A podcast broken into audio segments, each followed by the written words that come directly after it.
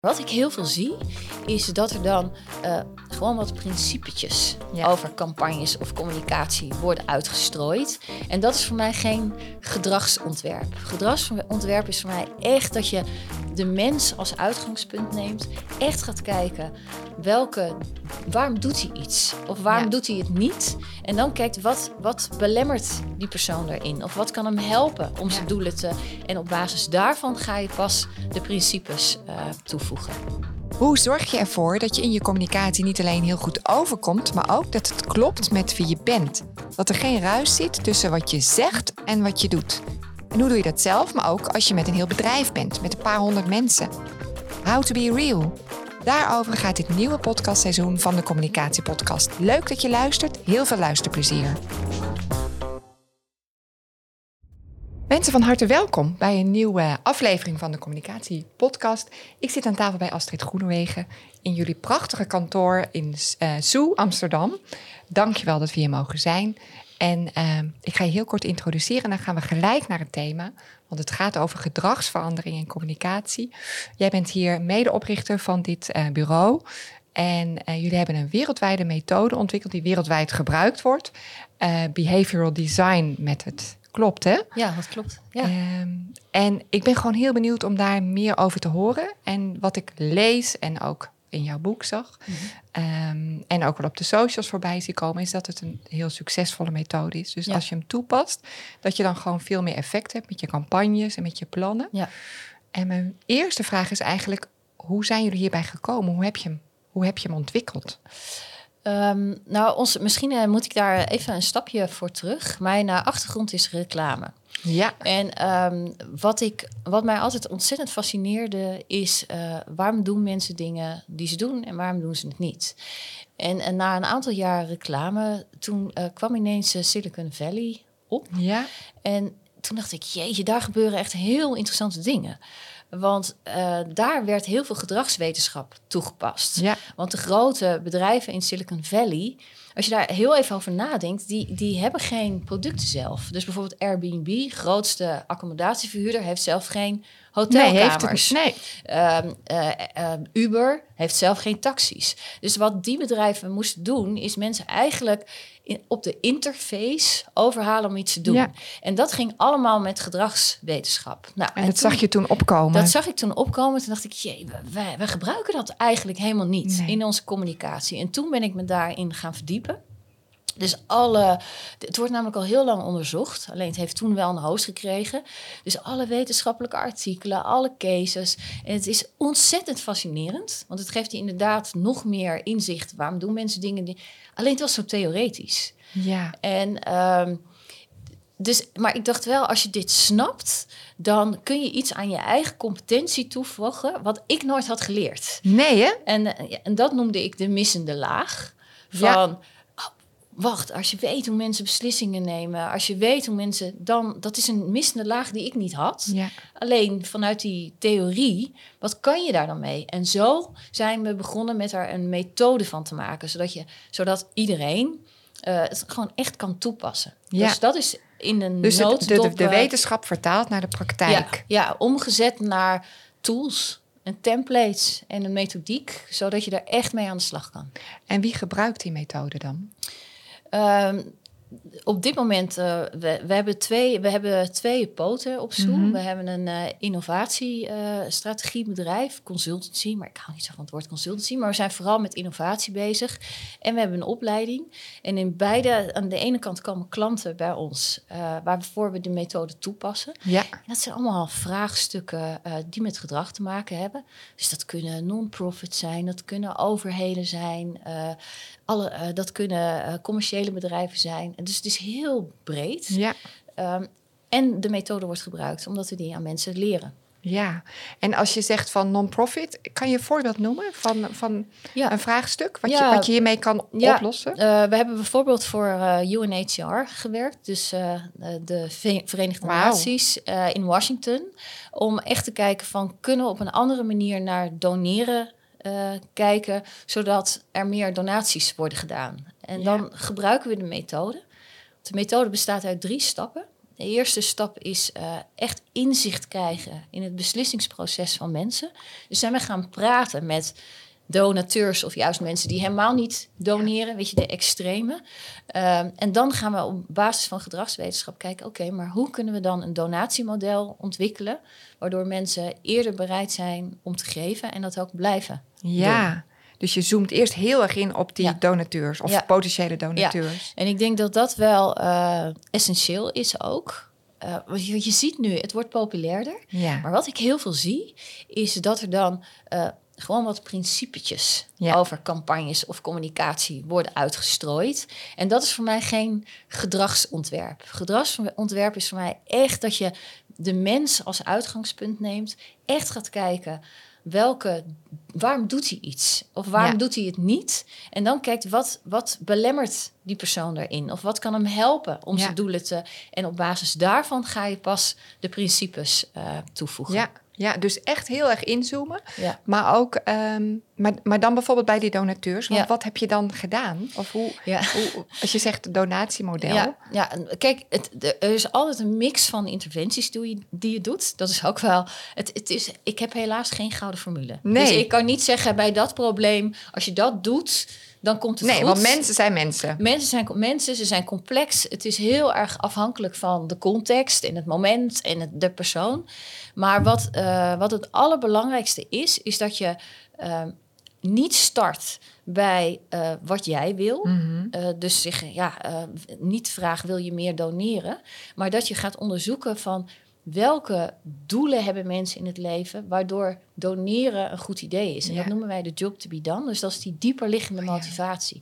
En dat hebben we bijvoorbeeld, we hebben ook voor UNHCR in Australië gewerkt. Daar hebben we bijvoorbeeld eh, eh, kunnen zorgen dat eh, succesvolle zakenvrouwen in Australië, ehm, dat die gingen doneren voor vrouwen in vluchtelingenkampen, omdat Ja. we op die Ik onderliggende, voel hem zelf al. Onderliggende motivatie, connectie vinden. Ja, dus en de verschillende principes, ja, dat, dat is een beetje een complex Ja. eh, verhaal, maar daar, daar zit de crux. Ja. Dat je daar aanhaakt. Ja, want het is dan, want ik, wij werken natuurlijk ook in het communicatievak. En dan heb je het heel vaak over bijvoorbeeld klantgerichte of vraaggerichte Ja. communicatie. Ja.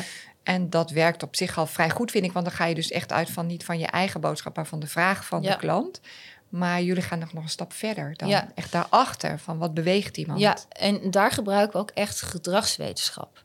ja. Dus eh, van hoe werkt dat in de hoofden van mensen? Hoe nemen ze beslissingen? En wat voor vragen stel je dan om dat naar boven te halen? Dus, Dat ook eh, vooral. Ja, dus het is eigenlijk echt een gedragsanalyse waarmee je begint. Ehm, ja, dus dat, dat, dat maakt het denk ik net Ja. nog een laagje anders. Of, Ja, of dat is die missende laag, denk dat ik. is die missende Ja, laag die jullie eigenlijk ontdekt hebben. Ja, En jullie hebben ook echt het roer omgegooid. Hè? Want je had een creatiebureau. Ja, van origine iets meer reclame, digitaal georiënteerd bureau. Ehm, maar we, we hadden, eh, mijn partner en ik, het bureau is eh, opgezet samen met mijn partner Tom de Bruyne. We hadden zoiets van, ja, maar daar, daar zit het. Kijk, we vinden het nog. Wat we er ontzettend van hebben geleerd, is dat dingen tastbaar moeten worden.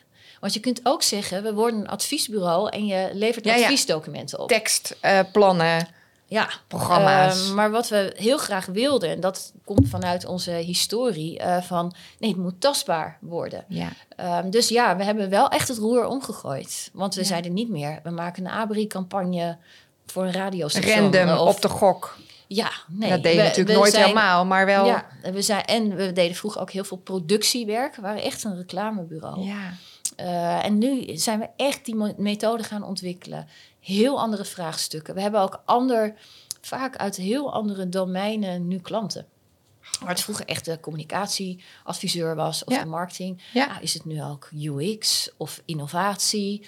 Ehm, ja, dus veel breder. ja, en ook denk ik een slag hoger in de organisatie. Soms. Meer de beslissers. Ja, soms. Hoeft niet voorstellen. altijd, want er zijn ook eh, echt wel eh, marketeers en communicatiemensen die, eh, die hiermee Die bezig naar zijn. op zoek zijn. Maar Ja. ja, het kan wel. Ja. Ja. En ook veel meer interne vraagstukken. Dus bijvoorbeeld nu met het hele, hele COVID die we hebben gehad en het hybride werken. Hoe kun je zorgen dat werknemers weer goed in hun vel zitten? Dat hadden we vroeger, daar hadden we dan een campagne voor gemaakt. Maar nu bedenken we echt, oké, eh, wat voor interventies kun je doen? Ja. Dus het is een ander soort werk geworden. Echt helemaal omgegooid. Ja. Heel interessant. Ja, Jij hebt heel recent een boek uitgebracht, Ja. De kunst van gedragontwerp.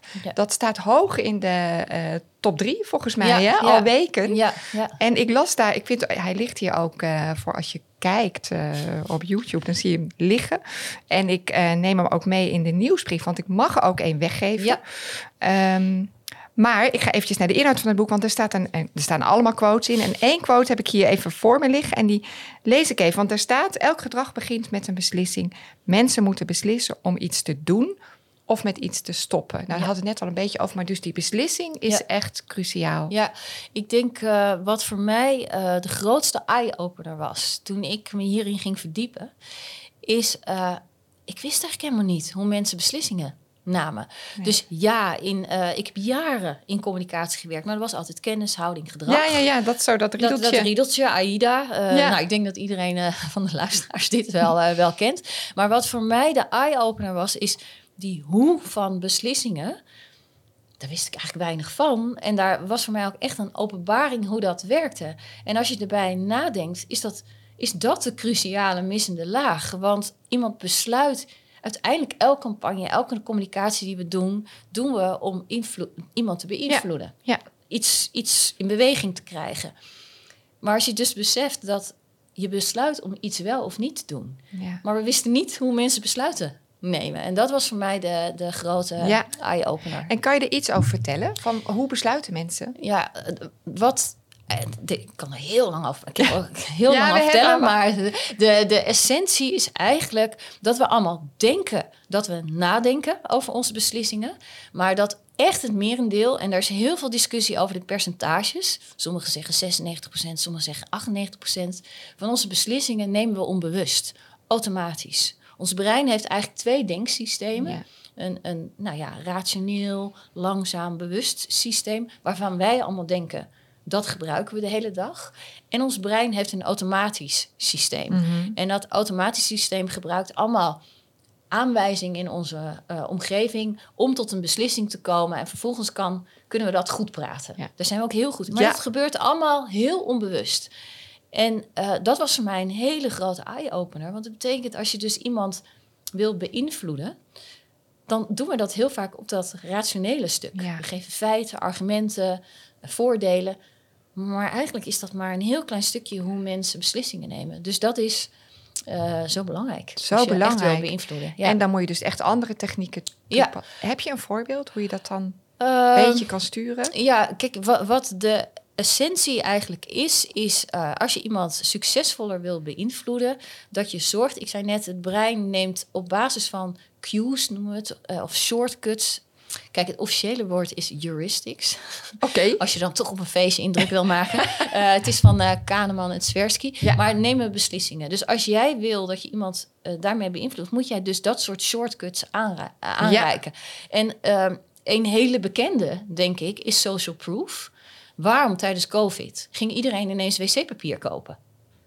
Geen Om- enkele rationele. Maar omdat iedereen het doet, Ja. denkt ons automatisch brein... er zal wel iets aan de hand zijn, Ja. ik moet het doen. En zo zijn er heel veel van dat soort...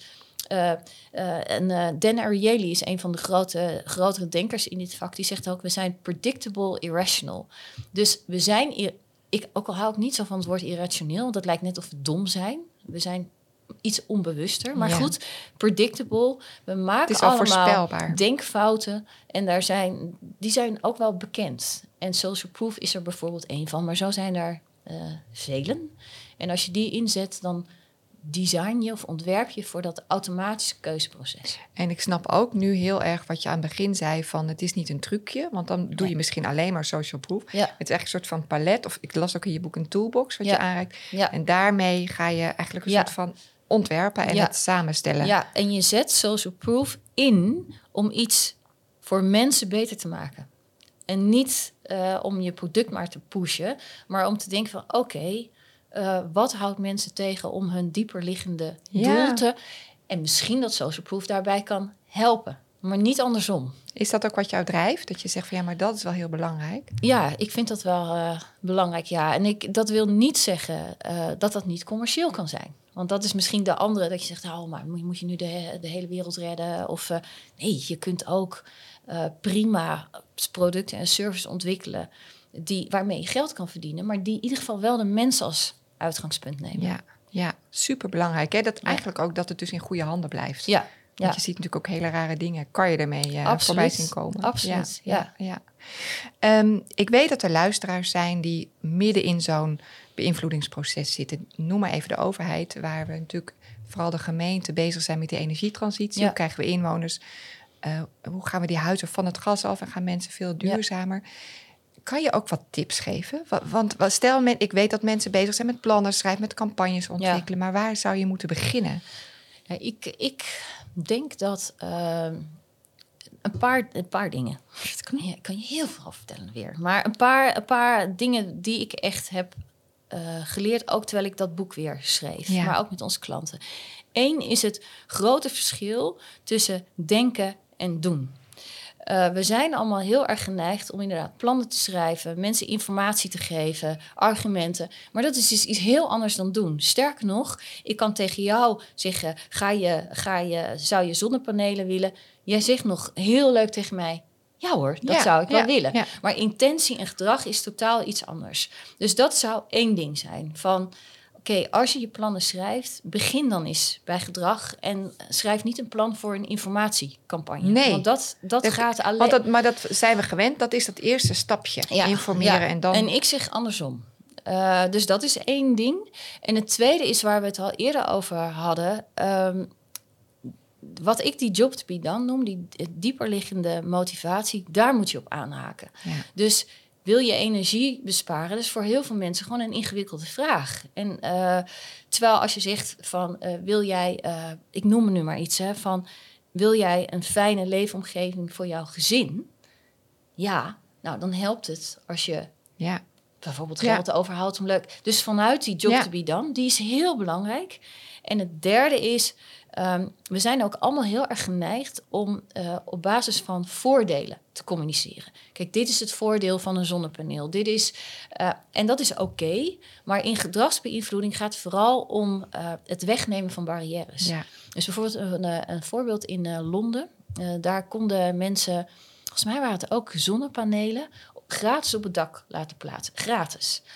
Niemand deed het. Maar hoe kwam dat? Uh, dat betekende dat de, de mensen, de installateurs, die moesten via de zolder in. De meeste mensen, hun zolder is een rotzooi. Ja. Het waren ook heel veel oude mensen. Dus de barrière was, ja, maar laat maar. Want ja, maar dan moet ik met die zolder. Dan moet ik met die zolder. Toen hebben ze daar uiteindelijk een service aangekoppeld om en je zolder te helpen opruimen en de spullen die je niet meer nodig had, meteen of naar het grofvel of voor je naar zo'n, uh, hoe noem je dat, tweedehandswinkel te ja, brengen. Ja. En toen, toen gingen ging mensen het. het doen. Dus vooral ook mijn advies is ook, denk na. Mensen hebben heel vaak niet slechte intenties. Mensen mm. willen wel. Ga niet van dat negatief mensbeeld uit, maar kijk hoe je ze kunt helpen ja. die blokkades weg te nemen. Ja. En dan doen mensen echt best wel veel. Ja, fantastisch. Heel mooi voorbeeld, dankjewel. Um, we gaan een beetje naar het eind van het interview. En ik pak uh, mijn mobiel erbij, want we hebben een luisteraarsvraag. En uh, een vaste rubriek altijd in deze serie. Een vraag van een luisteraar die heeft een audiobericht opgenomen. Uh, dat is Roel Verhul, is ja. schrijver, psycholoog. Heeft ook net een boek uitgegeven en is bijzonder gefascineerd door de veranderbaarheid van de mens en van mm -hmm. de samenleving. Hij is trouwens ook bestuurder in de zorg en uh, bijzonder hoogleraar uh, in de psychologie. maar nu gaat het even om het boek en om zijn vraag. En ik ga hem er even bij pakken. Kunnen we even naar luisteren en ja. misschien wil je erop reageren. Hoi Karine en Astrid. Wat leuk om een vraag te mogen inspreken voor jullie podcast. Ik ben Roel Verheul, psycholoog en enorm betrokken bij het vraagstuk in hoeverre mens en maatschappij veranderlijk en veranderbaar zijn. Onlangs is mijn boek Homo Plasticus verschenen, waarin ik de mythe van de onveranderlijke mens ontzenuw en tot de conclusie kom dat de grootste kracht van de mens is gelegen in zijn ongekende vermogen tot aanpassing en verandering. Maar ondanks mijn optimistische boodschap geven de huidige maatschappelijke ontwikkelingen natuurlijk voldoende reden tot zorg. Zo zien we in de laatste jaren het vertrouwen in onze samenleving sterk afnemen. Veel mensen hebben weinig vertrouwen meer in de politiek, de wetenschap of zelfs de journalistiek. Deze trend uit zich onder meer in een sterke toename van complottheorieën, organisaties die deze verspreiden en mensen die erin geloven. Al met al bedreigt het toenemend wantrouwen de maatschappelijke stabiliteit en ondermijnt het een gezamenlijke aanpak van belangrijke problemen zoals de klimaatverandering, stikstofcrisis en wat iets meer zijn. Ik was onder de indruk van Astrid's boek De kunst van gedrag ontwerpen en vooral van de mogelijkheden om ook maatschappelijk verantwoorde doelen te realiseren. Vandaar de volgende vraag. Zou de behavioral design methode uitkomst kunnen bieden bij het bestrijden van het toenemend wantrouwen in de samenleving? En, zo ja, hoe zou je daarbij te werk gaan? En kun je voorbeelden geven van concrete interventies die hierbij behulpzaam kunnen zijn? Alvast bedankt voor het antwoord. Sowieso een fantastische vraag uh, over uh, het wantrouwen uh, in de samenleving. En dank voor het compliment over het boek natuurlijk. ja, ik, ik moet zeggen dat ik niet zo pessimistisch ben. Ik ben best wel optimistisch over de samenleving. en dat komt ook omdat wij dat zelf hebben mogen ervaren. Wij werken bijvoorbeeld voor de VVD ja. en voor de Belgische Sociaal Democraten. En wat ik daar, wat ik heel erg zie, is. Uh, ja, ik zie dat mensen boos zijn op de, laten we het de elite noemen. hè? Mhm, dat, dat mhm. is ook wat ja, ja, De, de populisten heel erg uh, zeggen. Maar ik vind eigenlijk ook wel dat het een beetje terecht is. En ik denk dat de mensen die boos zijn, niet per se pessimisten zijn. Of uh, heel erg wantrouwend tegenover uh, de maatschappij staan.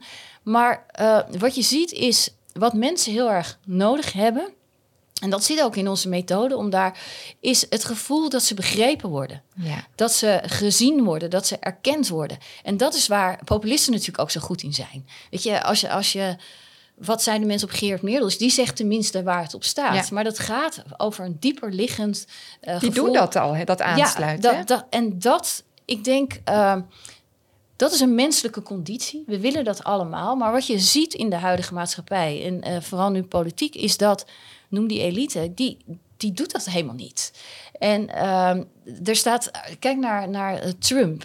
Sorry, de tegenstanders van Trump. Dat was toch allemaal maar ja. heel zwak. Ja, ja ik, en ik Zonde, denk, denk ik dan. Help. Ja, terwijl ik geloof echt oprecht, en dat, dat is, zit ook in onze methode, als je echt naar mensen luistert, echt snapt waar komt dit nou vandaan, dit ongenoegen? Want uiteindelijk zit het ook weer op die job to be done. Ze willen een veilige omgeving voor hun gezin. Ze willen dat hun ouders uh, goede huizen... Nou, noem het maar op.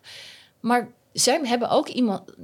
Ik vind dat politiek zitten tegenwoordig managers in. Ja. En niet strijders. De populisten zijn strijders. We hebben gewoon uh, sterkere figuren nodig die, een die vecht voor mensen. En dan kun je ook tegenwicht gaan bieden. En zal ook uh, ja, het wantrouwen, denk ik, in heel eind afnemen. Want je, je krijgt ook wantrouwen als niemand voor je vecht. En niemand. Uh, en dan, het gevoel dat je alleen staat, in de kou ja, staat. Ja, en dan krijgen bepaalde uh, figuren in onze samenleving. krijgen wel een heel grote stem. Ja. Nou, uh, koppel dat aan het uh, heerlijke algoritme dat we allemaal ja, hebben. En daar ga je. En daar ga je. Maar wat er vooral mist, is snappen waar mensen, waar mensen uh, nou, waar hun pijn zit. Waar hun, waar hun echt job to be done zit. Dat is wat we met die methode doen. En dan echt zorgen dat er weer een sterke leider tegenover komt. Ja. En ik denk dan echt, daarom ben ik... Uh, Dit boek moet echt iedereen, hè? Uh, nou, ik denk dat we... maar daar helpt het dingen, dus bij. Ja, dat denk ik. Ja. Dus op het moment dat je het gevoel hebt van hé, hey, maar ik sta voor een vraagstuk of ik mag iets oplossen voor een opdrachtgever of in jouw organisatie, dan is dit een hele mooie methode. Ja. En dan begint het dus met aansluiten, snappen, aandacht geven. Ja, want precies wat, uh, wat de luisteraar zegt van uh, mensen zijn, hebben echt wel, die kunnen wel veranderen. Ja.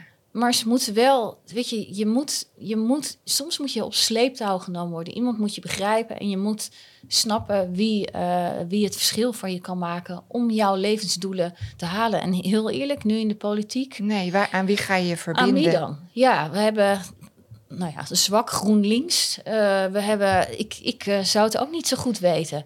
Tegenover Trump, sorry, dat, dat, daar stond toch niemand tegenover die daar uh, echt tegen kon vechten. Ja. Dus ja, dan gaan mensen een soort protest doen of komt er heel veel wantrouwen. Maar ik, ik, ik geloof echt dat mensen uh, best wel het juiste willen. Alleen, ja, ja alleen als ze op de juiste manier benaderd worden. Ja. En als er sterk en leiderschap is. echt naar ze wordt geluisterd. En eh, ze niet worden gemanaged, maar worden geleid. Heel mooi.